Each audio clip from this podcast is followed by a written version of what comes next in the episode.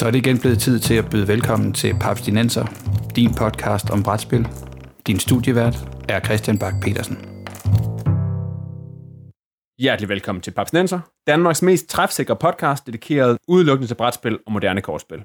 Bag podcasten her står papskubber.dk, den danske side om brætspil, fyldt med nyheder, anmeldelser, regelhjælp, artikler og anbefalinger til, hvad jeres næste brætspil kan være.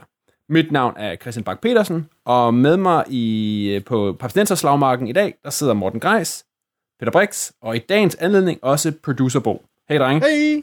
Hej. Og øh, lige om lidt, så går vi i krig, men kun på brættet. Inden vi starter, så skal jeg dog lige høre jer. For jeg har jo gang på gang udstillet min øh, udvidenhed og mangler om, hvilke store klassikere og ting, jeg ikke har fået spillet. Altså øh, fra Terra Mystica til Dominion. Helt pinligt. Men øh, hvilke, har, I nogle, øh, har I nogle klassiske spil, som, øh, som folk bliver overrasket øh, over, når I siger, at I faktisk ikke har spillet? Hvad med dig, Peter? Meget tematisk korrekt for dagens, øh, dagens afsnit, tror jeg, at det, det bliver et af de to store Twilight-spil, jeg ikke har spillet. Jeg kunne både vælge Twilight Struggle og Twilight Imperium, men øh, jeg tror, det bliver Twilight Struggle, som, øh, som er gået min næse forbi gentagende gange. Øh, det her store øh, koldkrigsspil om, øh, hvor den ene side styrer Sovjet, og den anden side styrer de fæle kapitalister øh, i et forsøg om at få verdens herredømmet uden at starte en atomkrig. Ja, det, det har jeg spillet. Mm-hmm. Ja. hvad, med, hvad med dig, Bo? Har du øh, heller ikke fået spillet hverken Twilight Imperial eller Twilight Struggle? Jeg har fået spillet Twilight Imperium, men jeg har faktisk ikke fået spillet Twilight Struggle. Jeg siger det sådan lidt med en rynket, rynket næse, fordi det er egentlig lidt pinligt. Det, det spil har jo ligget øh, højt placeret. Jeg skulle til at sige nummer et, det har det også længe, men, men det har sådan ligget og boblet op og ned på, om det var øh, førstepladsen på Board Game Geek, så der har ikke været nogen tvivl om, at det var sådan et, et, et, et, et must-play-spil. Øh, øh men jeg har, jeg har ejet det i nogle år, og har ikke lige sådan haft fundet en, en hvad skal vi sige, en, en nørdet historisk interesseret, øh, like-minded, som jeg lige kunne sætte mig ned og lære det ved. Og, og nu skal jeg nok lade med at komme ind i hele den der snak om, at hver gang man skal spille et lidt mere komplekst spil første gang, så tager det selvfølgelig lige lidt længere tid at, at komme ind i reglerne. Så, så, så jeg ved godt, at første gang jeg skal spille det, der skal jeg nok sætte mere end bare lige to og en halv time øh, af til det. Men it so happens to be, at jeg måske har fundet en like-minded historisk uddannet, øh, papskubbende øh, ven i nøden, der vil spille det med mig. Morten, jeg kigger på dig. Ja, yeah. det er rigtigt, uh, for jeg må jo tilstå, jeg står lidt samme sted. Jeg har heller ikke fået spillet Twilight Struggle, uh, så jeg ser jo også meget frem til vores lille playdate, og, hvor vi skal have sat spillet på bordet. Og jeg tænker, jeg tager en 3-4 andre spil med, fordi hvor lang tid kan det tage? Jeg hvor tænker, svært kan det være, ja. Ja, yeah, lige præcis. Men Christian, sagen er, at, øh, at Morten Greis og jeg skal spille Twilight Struggle for første gang, for os yep. begge to på søndag. Fedt. Det er, så sidder det er, jeg, den sidste af Københavner trækløveret her, og tænker, hvad skal jeg så lave? Vi tænkte, du kunne sidde og kigge på. Ja, du kan være med på en oh. Twitch. Du kan være regel, øh, regel, du kan være ham, der sidder og slår op når nu de øh, kører, kører død i det. Du, det, det I siger, at jeg, jeg, jeg er ikke engang blevet valgt sidst. Jeg er ham, som der får lov til at hente bolden, så når de andre folk sparker den for langt væk. Præcis. Det er en vigtig funktion, Peter. Folkeskole flashbacks lige der. Og øh, når vi nu har snakket uh, Twilight Struggle, som PT ligger nummer to på listen over uh, verdens bedste brætspil. Tre. Tre? Ja. Tre? Hold op, det går stærkt. Gloomhaven er ligger nummer et, eller hvad? Pandemic Legacy er nummer et, no. og uh, Through the Ages, A Story of Civilization nummer to. Okay. Der, der sker noget ude i brætspilsverdenen. Det gør der. Uh. Godt, godt, du er opdateret. Vi burde have sådan nogle boardgame-noteringer, så hver morgen, der kunne man lige høre top 10. Boardgame-børsen. Ja, præcis. Så man er up-to-date og ved, hvad man ikke har fået spillet. Nå. Men i dag, der skal vi, øh, vi skal snakke om krigsspil. Øh, og jeg, vi tænker, at vi prøver at indsnævre det til historiske krigsspil her at starte med. Og det skal vi, fordi at vi her hos Papsnenser jo ofte ender med at snakke om, hvorfor krigsspil faktisk ikke fylder mere blandt moderne brætspil, end de gør. Øh, og jeg, ja, her som sagt særligt historiske brætspil, og særligt dem, der er fokuseret på øh, 2. verdenskrig og 1. verdenskrig, som jo er sådan de to store dramatiske konflikter i, øh, i nyere tid. Og det tænker jeg på, fordi dengang jeg var en, øh, en lille nørd før internettet, og jeg sad og bladrede igennem øh, Fantasks øh, fede og lidt fedtede A5-katalog, og mest kiggede efter rollespil. Når man så kom om til brætspillene, så var langt, langt, langt, langt flest af de her brætspil, man så kunne købe dengang der i starten af 90'erne, slutningen af 80'erne, de var krigsspil. Ofte koblet til et øh, særligt, en særlig konflikt, eller et specifikt slag i Ardennerne, eller noget af den stil. Og ofte var det fra, øh, fra firmaet Avalon Hill. Og Bo, du er jo den ældste her i selskabet. Kan du... Bare point. Kan du... Bare pege en finger. Ja, ja. Jeg er den ældste. Yes. Præcis. Næster. Brætspilsnæster. Du kan huske, hvordan det var øh, at spille øh, brætspil uden alt det der øh, plastiklier og den slags, hvor brækkerne, det var små, firkantede papstykker, såkaldte chits. Og øh, hvad spiller du, og hvad husker du om spillene for den gang? Jamen, du har fuldstændig ret. Det, det er jo, altså, den slags spil, vi snakker om her, var jo meget fremherskende i, i 80'erne. Og jeg er så måske godt nok fra sådan 70'erne, midt 70'erne. Men det betyder, at jeg har været oppe i min øh, konfirmationsalder, da de her spil sådan har været dem, dem man kunne købe i, i forretningerne. Eller forretningerne er et forkert ord, for du har fuldstændig ret. Det var postordre, og det var fantastisk let fedtet A5-katalog. Øh, kæft, jeg, jeg savner de der... Ja. Når, når man sad og læste ned over de der linjer, så det satte jo tanker i gang. Så Ikke? de der obskure navne, og man anede Præcis. Jeg anede ingenting om det. Det var bare ambush. Og så tænkte man, damn, jeg vil gerne ambush. Altså, jeg, jeg er ikke klar over, hvorfor, men det vil jeg det vil gerne. Ja. Men jeg kan huske særligt, der var sådan, det- der var, man- der stod jo sådan noget med, der stod sværhedsgrad, nogle af dem, og så stod der spiltid. Spiltid, jeg kan, ja. huske det, jeg kan huske det spil, som, som var det længste. Det var sjovt, det der hed The Longest Day, som så også har været det længste spil, fordi det stod til de der 150 timer, og tænker, shit, man, kan, Ja. man, kan, man, kan man spille sagt et brætspil? Men, Men- så skal man godt nok drikke meget cola. Men det var jo en tid, hvor, øh, altså, hvor man rent faktisk kiggede efter øh, de der ting. Det, det var helt naturligt, at et spil skulle tage lang tid. Og, og jeg vil næsten sige, det har været et... Altså, det har jo nok fået os alle sammen til at kigge efter The Longest Day, at der stod 150 timer, og man sådan tænker, what? Prøv at tænke sig, hvis man bare kunne spille i... Altså, det er jo en hel uge, man bare ville være i gang med at spille det der spil, ikke? Jeg tror ikke, der var nogen, der på det tidspunkt tænkte i, at man kunne have en kælder og have spillet stående fremme og sådan noget. Dengang, der var det jo altså vi mødes søndag morgen, og så spiller vi, til vi besvimer. Øhm, Præcis. men spillene var jo en anden kaliber et eller andet sted, og de her øh, historiske krigsspil var, øh, altså, ja, tog sit udgangspunkt i et eller andet historisk øh, øh, slag, om det så var øh, wooden ships, øh, eller om det var pansrede øh, kampvogne, eller om de var under Vietnam, eller om de var under 2. verdenskrig, eller om de var under 1. verdenskrig. Det kom så måske egentlig ikke så meget til udtryk i, i spillet sådan udformning. Altså, øh, nu kommer jeg til at lyde, som om jeg er 200 år gammel, men øh, altså det var jo, øh, på det her tidspunkt, der, der snakker vi jo om, at farvet tryk har været dyrt. Øh, så det vil sige, at du havde farve på æsken af spillet. Der var hang en eller anden mand i en faldskærmsoldat, eller en, en, en, en soldat i en faldskærm, og det var så ligesom, det var det motiv. Og så var brikkerne ensfarvede, hvad skal vi sige, kartonfarve.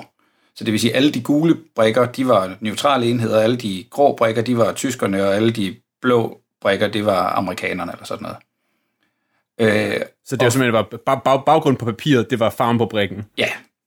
Ja, og, og papiret var måske så så kraftigt karton, som man nu kunne sådan trykke på inden for rimelighedens grænser. Ikke? Det var ikke, altså, ikke noget, der ligner i nærheden af det, vi kender i dag, hvor altså Tannhäuser eller sådan noget øh, Space Hulk pap, som du kan gå igennem et hus med, hvis, hvis altså det, det brækker bare ikke, vel? Øh, og det har været noget papirfis dengang. Manualen, det var jo et sort-hvidt trykkeri, et lille øh, sammenhæftet katalog, eller hvad skal man sige, et lille øh, sammenhæftet hæfte, hvor du kunne læse reglerne igennem, men der var ikke de her, øh, du ved, 3D-flotte figurer og effekter. Og ingen billeder og ingen eksempler, vel? Det eneste, det jeg husker fra de her spil, det er sådan, at de var bygget op sådan, ikke? og så var der, om så er der regel nummer 1, og så er der underafsnit regel til det, regel 1, som hed punkt 1.2. Ja. Og så var der sikkert også et par underafsnit til den, så der var et 1.2.1 og et 1.2.2 og sådan noget, og det var jo, det lignede altså den kedeligste tekst. Det kedeligste tekst, og man, kan, man kunne på mange måder se, hvordan regel, øh, hvad skal vi sige, regelskrivningen var blevet til. Ikke? Altså nogen havde startet med, det her det er en skidegod regel. Vi kalder den regel nummer to. Ah, Og den virker ikke helt her. ja, så kommer der, ah, okay, jeg kan godt lige se, når, når, nu, når du du gør sådan og sådan, eller ja, du kan godt se et maskingevær i vand og sådan noget, det går helt galt. Ja, okay. Så er jeg nødt til at opfinde regel nummer 2.1, der hedder maskingevær. Så har vi nogle specialregler for dem, fordi de, de er jo noget andet, det, det må alle kunne forstå. Og så pludselig vi pludselig ud af, at maskingevær i modvind og med hjemmevæg og i frostvær, det skal der også en regel indenfor, ikke? Så, ja. så på den måde var det, var det sådan en nedavning af grundreglerne, var faktisk måske i virkeligheden lette nok at forstå, men, men der var, det var sådan en blanding af opslag og regelkommunikation. Og du kan sige, det er jo det, er jo det hvis vi tager firmaer som Fantasy Flight, eller ja, det er nok dem, jeg kender bedst nu, ikke? men som, laver, som typisk laver et learn-to-play hæfte i deres brætspil, og så laver de en rulebook. Ja. Og rulebooken er et rent opslagsværk, og learn-to-play er sådan lidt mere den der, nu holder jeg dig i hånden, og så går vi lige igennem, hvad det er, der skal, hvad det er, der skal til at ske. Ja, præcis. Det er jo for eksempel den, der har, i, når vi nu snakker krigsspil, så et af de nyere krigsspil, jeg har stående, det er det, der hedder uh, Tide of Iron, og der er der, Ja. det er jo fra Fantasy Flight Games, og der har, er der præcis det der, ikke? Der er sådan et, nu samler vi den op, og så åbner man æsken, og så nu skal du bare pakke brækkerne ud, men nøjes med at pakke de her brækker ud, og så skal vi nok langsomt føre dig ind i det her fantastiske. Ja, ja, de andre forvirrer vi dig med senere. Ja. Ja, præcis. Men, men Bo, var det, må jeg høre, jeg har jo ikke spillet så mange af dem her, var, var det sjovt? Ja, altså det man skal forstå, det er jo, at det er ikke casual games. Det vil være synd at sige. Så det der med bare lige at have et, øh, et, et, et vendepar over til øh, rødvin og bøffer, og skulle vi så ikke lige smide Hell's Highway på fra Avalon Hill 1983, det er jo slet ikke den slags spil, vi har på det her tidspunkt. Det er øh, spil for nørder, siger jeg med et, et, et varmt, øh, kan vi sige, glimt i øjet. Øh, jeg er selv en af dem, så det kommer ikke fra noget dårligt sted, men det har jo været for passionerede spillere, lad os så kalde dem det. Øh, det vil sige, du har, du har skulle kunne noget af det historiske setting for, hvorfor er det her, altså hvorfor er den her konflikt sådan interessant rent styrkeforholdsmæssigt. Du skal have lyst til ligesom at genspille måske noget historisk, og, og, og du skal på alle mulige måder øh, sætte din forestillingsevne i, i spil for at kunne se, hvad det er, der foregår her. Jeg, jeg tror lidt, jeg vil beskrive det som, at hvor et moderne brætspil, det er, øh, nu laver jeg en computerspilsanalogi, men hvor et, et moderne brætspil i dag er zoomet ret tæt ned på enhederne. Vi har rent faktisk, vi kan se, at her står der en, en, et, øh, en bueskytte, her står der en barbar eller et eller andet. Så har datidens spil, de har været zoomet meget højere op, og man har set symbolerne for, hvad det er, der står på, øh, på brættet. Så du så aldrig nogensinde en lille plastiktank. Du så for så vidt ikke engang en silhuet af en plastik, eller en, en, en, en, en kampvogn eller en tankenhed. Du så et serienummer, eller et styrke, et lille, et, lille 8-tal, og så vidste du bare, okay, det der, det er en Panzer 4. Så gik du over i manualen og så, hvad den ligesom korresponderede. Ja, det, det tror jeg nok, man lærte sig nogenlunde hurtigt, men der var jo sådan nogle militære lingo symboler, der gik på tværs af alle Aval- Avalon Hills spil. Så når du først vidste, hvordan artilleri så ud, så var det egentlig bare et spørgsmål om at, at se på tallet, for at sige, om det er en, er det en 82 mm, eller er det en 122 mm, eller sådan noget. Der fik jeg det til at lyde, som om jeg vidste, hvad jeg snakkede om. Det håber jeg ikke, jeg, eller jeg, det gør jeg ikke. Det lød godt. Men, men det, var, det, det, var, det var tal, der blev kommunikeret. Det var ikke, det var ikke historier, det var ikke oplevelser pakket ind, sådan som vi, sådan, som vi kender det i dag. Det var dengang. Det var nu. Og nu sad vi og snakkede om, om fantastisk udvalg af de her øh, klassiske spil. Morten, hvis man nu øh, går ind og besøger dig inde i den butik, hvor du står i dag, hvordan, øh, hvordan ser krigsspilsituationen ud, hvis man nu holder den op mod øh, mere øh, populære, tem- populære temaer som zombier, aliens, Game of Thrones, you name it? Ja, det er faktisk interessant. Uh, krigsspil fylder meget. Uh, de, uh, hvis jeg sådan ser, ser, hvad der står af, uh, Decision Games og Victory Point Games og GMT-spil og lignende, så fylder de faktisk mere end zombiehylden eller øh, andre sådan hvad, øh, halvsmalle temaer. Altså hvis du så en samlet mængde af fantasy-spil, så vil de helt klart fylde mere. Men øh, som krigsspil i sig selv, de fylder faktisk ret meget. Der er rigtig mange titler derude. Øh, de kommer fra relativt få forlag, øh, men de sprøjter en masse spil ud, og det gør de så til gengæld i ofte frustrerende små oplag med meget, meget langt imellem øh, op, øh, genoptrykkene. Så, så, det, øh, så udvalget er stort, men det kan være drilsk at få fingre i specifikke titler. Og hvordan, men må- så vil jeg høre, hvordan reagerer, kommer folk så ind og spørger efter en specifik titel, og siger, åh, det, det er lige det her fra, øh, fra GMT, som, Har du noget med landminer? ja, er det, er det, kan, man selv, kan man selv brætspil eller krigsspil på samme måde, som man kan sige, det her, øh, det her det er totalt, øh, du kan sagtens tage et ved at spille Splinter. Eller folk, oh. de kommer ikke ind og spørger efter, kommer, de, de kommer ikke ind og spørger efter casual squad leader. Nej, øh, den, den er tricky. Der er klart, der er, et, der, der er nogen, der kommer ind og spørger efter en specifik titel, og det, det er typisk en titel, de husker fra deres ungdom, eller sådan noget, øh, eller, eller de, de yngre mænd nogle gange bemærker, at det her, det presset altid mænd. Ja. Øhm, vi taler. Ja. Det her, det er ikke mænd og kvinder. Det her, det er næsten kun mænd, der spiller den her genre af spil. Så, så, der, øh, så det kan være mænd, der kommer ind og beder om et eller andet, og det er helt tydeligt, fordi det spillede de for 20 år siden. Og, og de med, med, hvad skal jeg sige, ældre titler, der er man som regel lidt heldig, når det gælder krigsspil, fordi at mange af dem, der udgiver krigsspillene, er nogle gamle middelalderne gutter, som bliver ved med at genudgive deres yndlingsbrætspil fra 80'erne af. Så det vil sige, der er altså en del øh, af, de her krigsspilstitler fra gamle dage, som stadig er på markedet, i modsætning til ret mange andre spil. Øh, så, så 30 år senere, så kan man stadig finde dem, men de er jo også nye titler, så der er både nyt og gammelt. Så, så der er folk, der kommer ind og efter noget specifikt, og det kan de faktisk godt få. Og så tilsvarende, så er der andre, der godt bare vil se, hvad der er af øh, krigsspil, og de bliver jo så glade over at se, at det faktisk er en genre, der ikke uddøde engang op i 90'erne, men faktisk lever i, i bedste velgående. Og så er der alle de andre, der vil ind og have øh, et krigsspil, og der bliver det meget, meget sværere. Fordi at et er, at de, øh, de krigsspil, de kender til, det er Risk, eller det er i bedste fald Axis and Allies, måske Small World.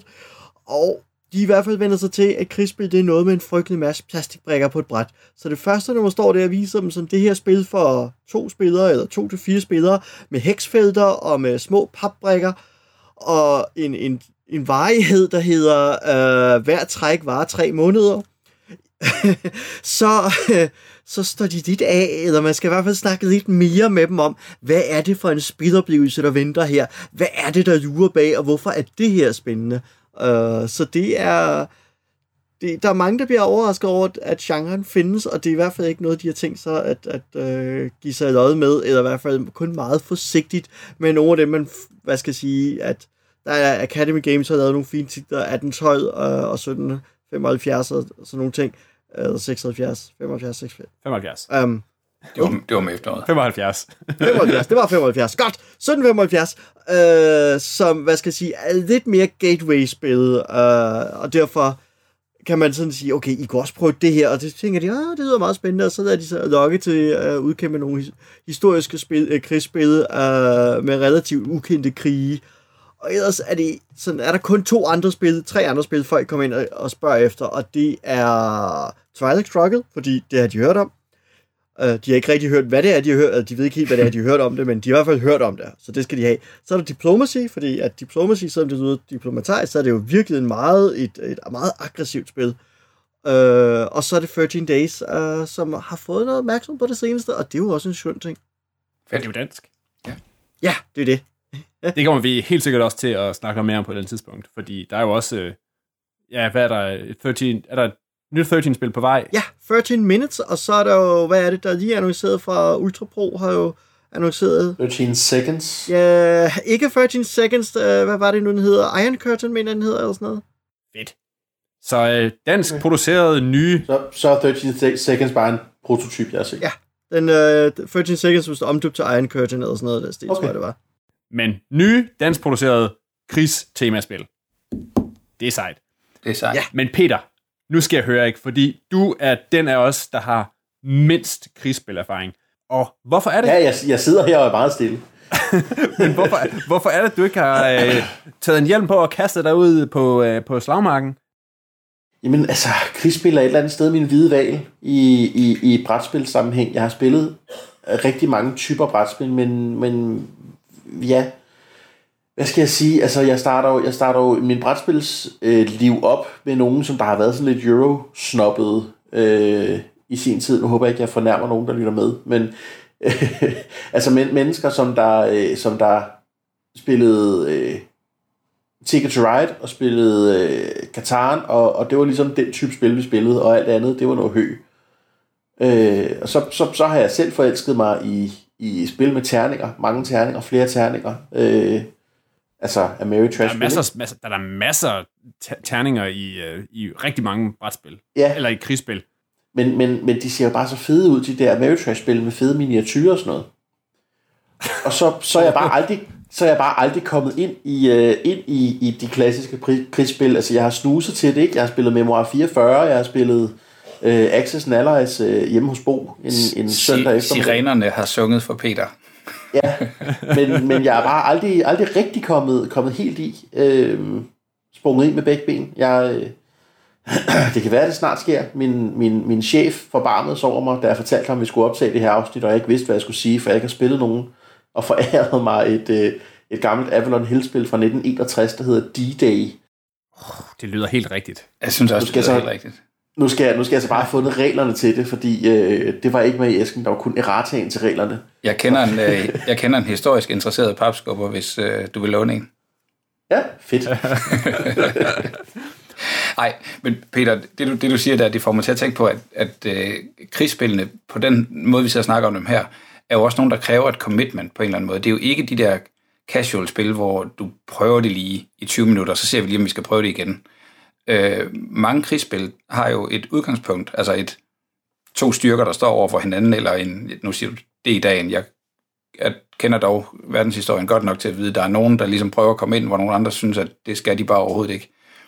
Øh, så der er et, et setup, og derfra skal man så ligesom battle sig øh, forbi hinanden, eller mængle rundt om hinanden, eller få sat de rigtige styrker op over for hinanden.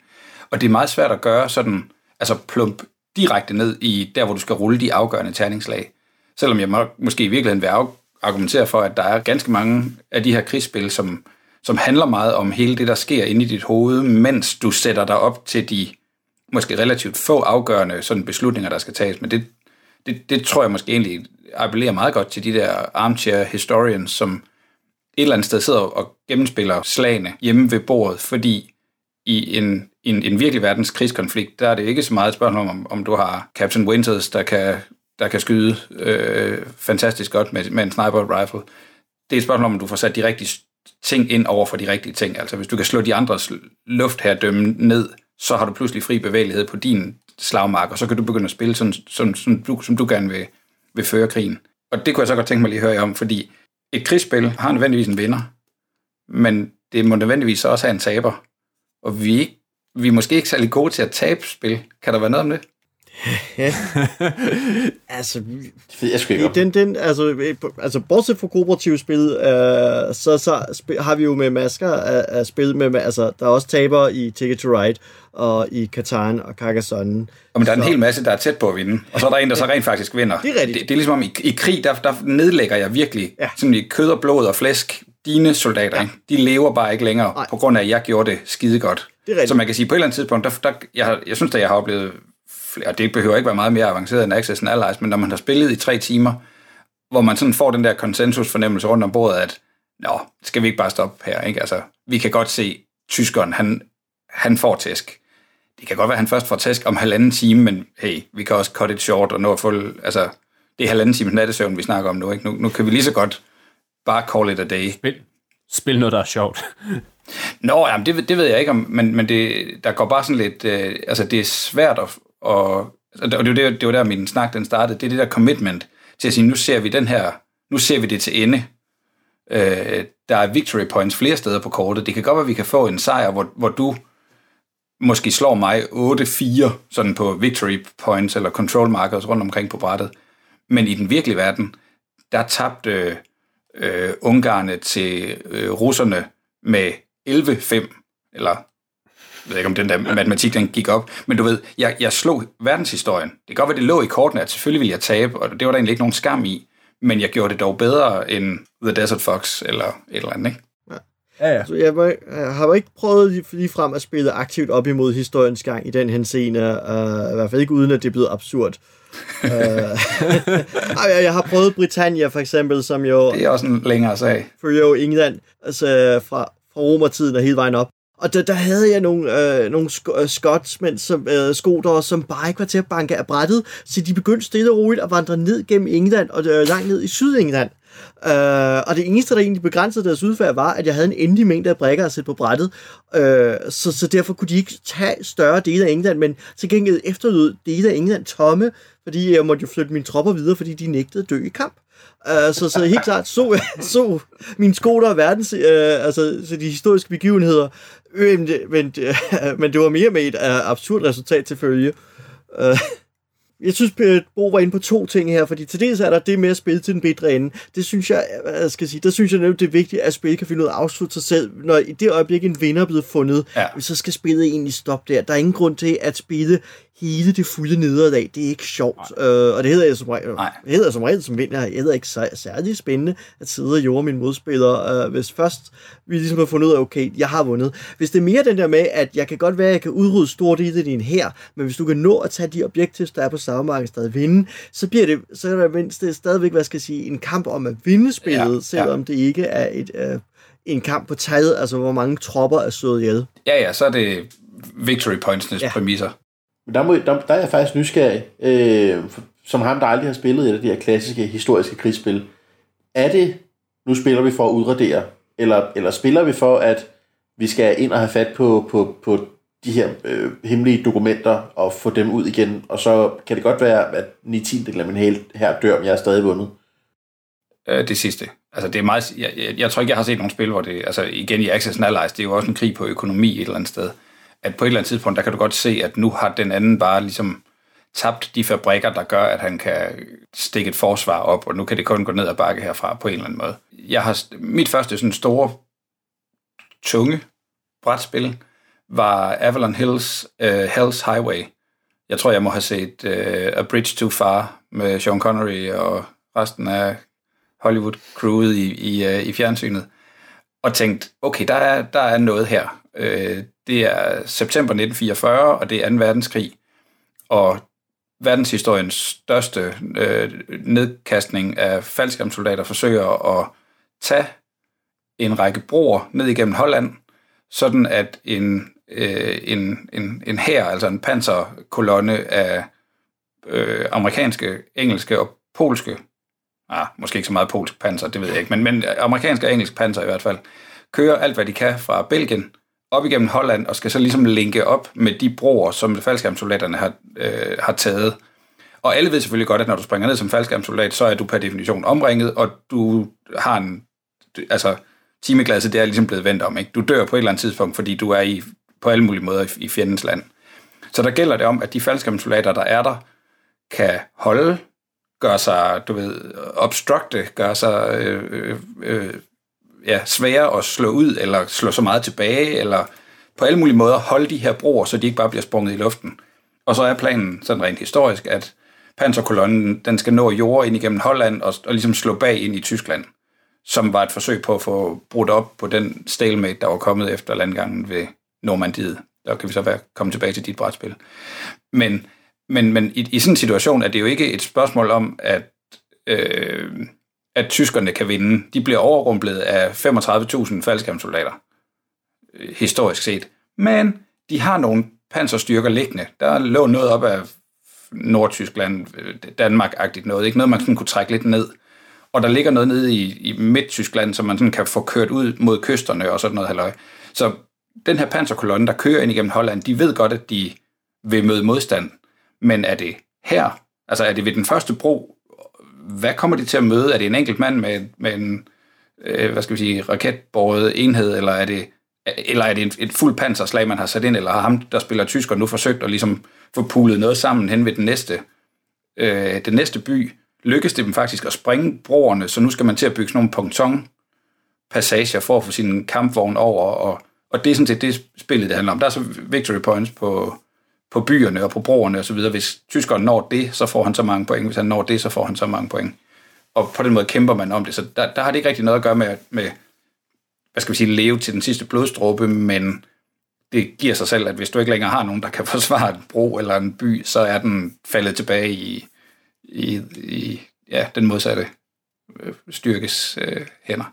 Men Bo, her der tænker jeg, at det her, det lyder jo forholdsvis meget som sådan, at de der små scenarier i Memoir 44, som Peter nævnte før, Ja. de spiller sig ud.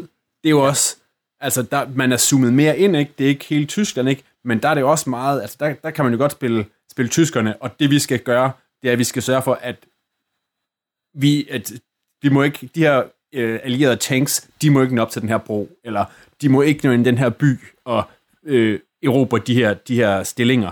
Ja, Altså, det, det, er jo, det er jo meget det samme.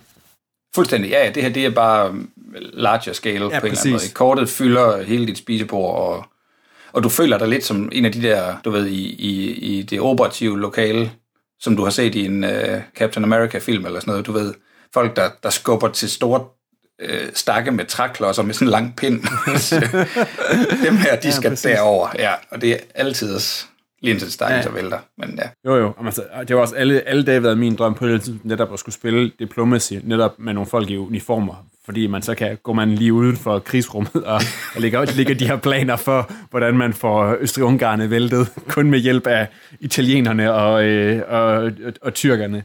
Men jeg tror måske, at det her, det var... Øh, skal vi ikke sige, det var det her fra nu? Det her, det var sådan en uh, intro-guide til, øh, til krigsspil.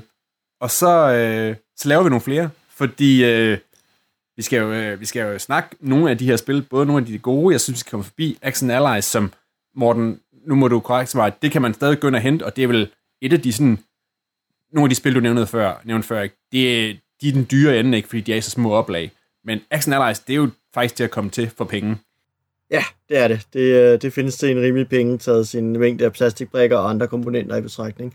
Så kan det faktisk fås øh, mere eller mindre alle mulige steder og til en rimelig penge, ja. Men Morten, jeg er lidt nysgerrig. Er, er, er det, altså, har, har de nye spil, der udkommer fra for eksempel GMT, Mhm. har de skruet ned i deres øh, spiltid, eller er det stadigvæk sådan noget, der, der kan finde på at tage både 10 og 12 timer?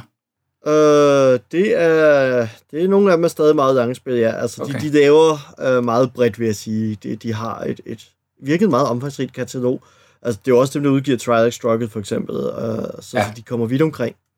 Så, så noget er længere end andet.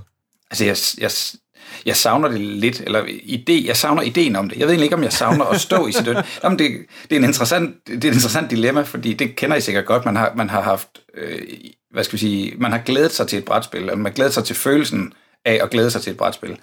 Øh, men når man så står der, så kan det også godt være sådan lidt, nå, jamen, jeg ved faktisk godt, hvad jeg har tænkt mig at gøre. Jeg kan godt se, at du godt ved, hvad jeg har tænkt mig at gøre. Så må ikke du gøre det, der ville være klogt, når man nu ved, hvad jeg har tænkt mig at gøre, så må jeg hellere gøre noget andet. Altså, du ved, man kan godt, det, det kan være en ret lang beslutnings, sådan, øh, øh, kæder i, i de der lange spil, ikke? Helt sikkert. Men det er jo ikke bare, lad os se, om jeg ruller tre øh, klør øh, i næste runde, og så tæver jeg ham ind i Tokyo.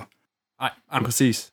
Øh, jeg, jeg, jeg er også, jeg er også jo håbløst forelsket i, øh, i ideen om de der lange spil. Og som sagt, øh, øh, et af børneværelserne, når nu et af de der børn, de rykker hjemmefra, så, så bliver det. Så slår vi det Empire's Arms op, og det skal aldrig pakkes ned. Før vi er færdige med at spille hele, hele den Napoleonskrig færdig. Tjek. Fedt. Nå, men med den her, og med det, det løfte om den, den indretning af det Petersenske øh, domicil, så er vi nået til den her øh, første episode af Papsnenser snakker krigsspil. Find links til de spil, vi nåede forbi her i, øh, på www.papskubber.dk-podcast.